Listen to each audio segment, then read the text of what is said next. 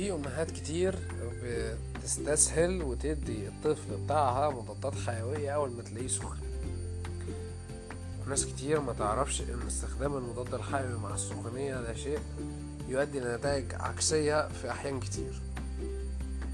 ياما ناس بتلاقيها بتاخد مضاد حيوي بالذات عيلة الأموكسيسيلين في ظروف معينة وتلاقي إن العيان حاجة من تلاتة.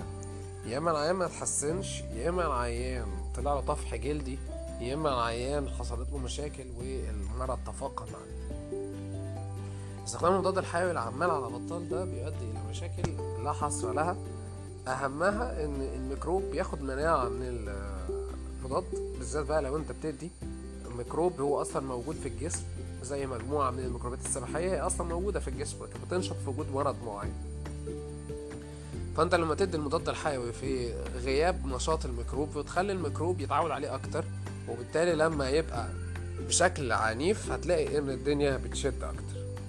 فإحنا بنقول لكل أم وفري فلوس المضاد الحيوي واشتري خافض حرارة أحسن. ناس كتير بتلاقي الأمهات تدي المضاد الحيوي وما تديش خافض الحرارة. خوافض الحرارة أهم من المضاد الحيوي.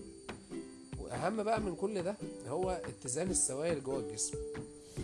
لما يكون الطفل عنده سوائل كويسة جوه جسمه ده بيخلي المية ترطب الحرارة اللي موجودة دي.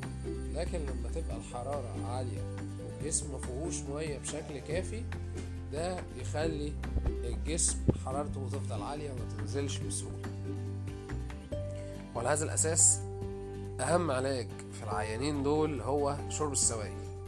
يشرب سوائل كويس هتلاقي إن اتزان الحرارة نفسه هيبقى بشكل كويس.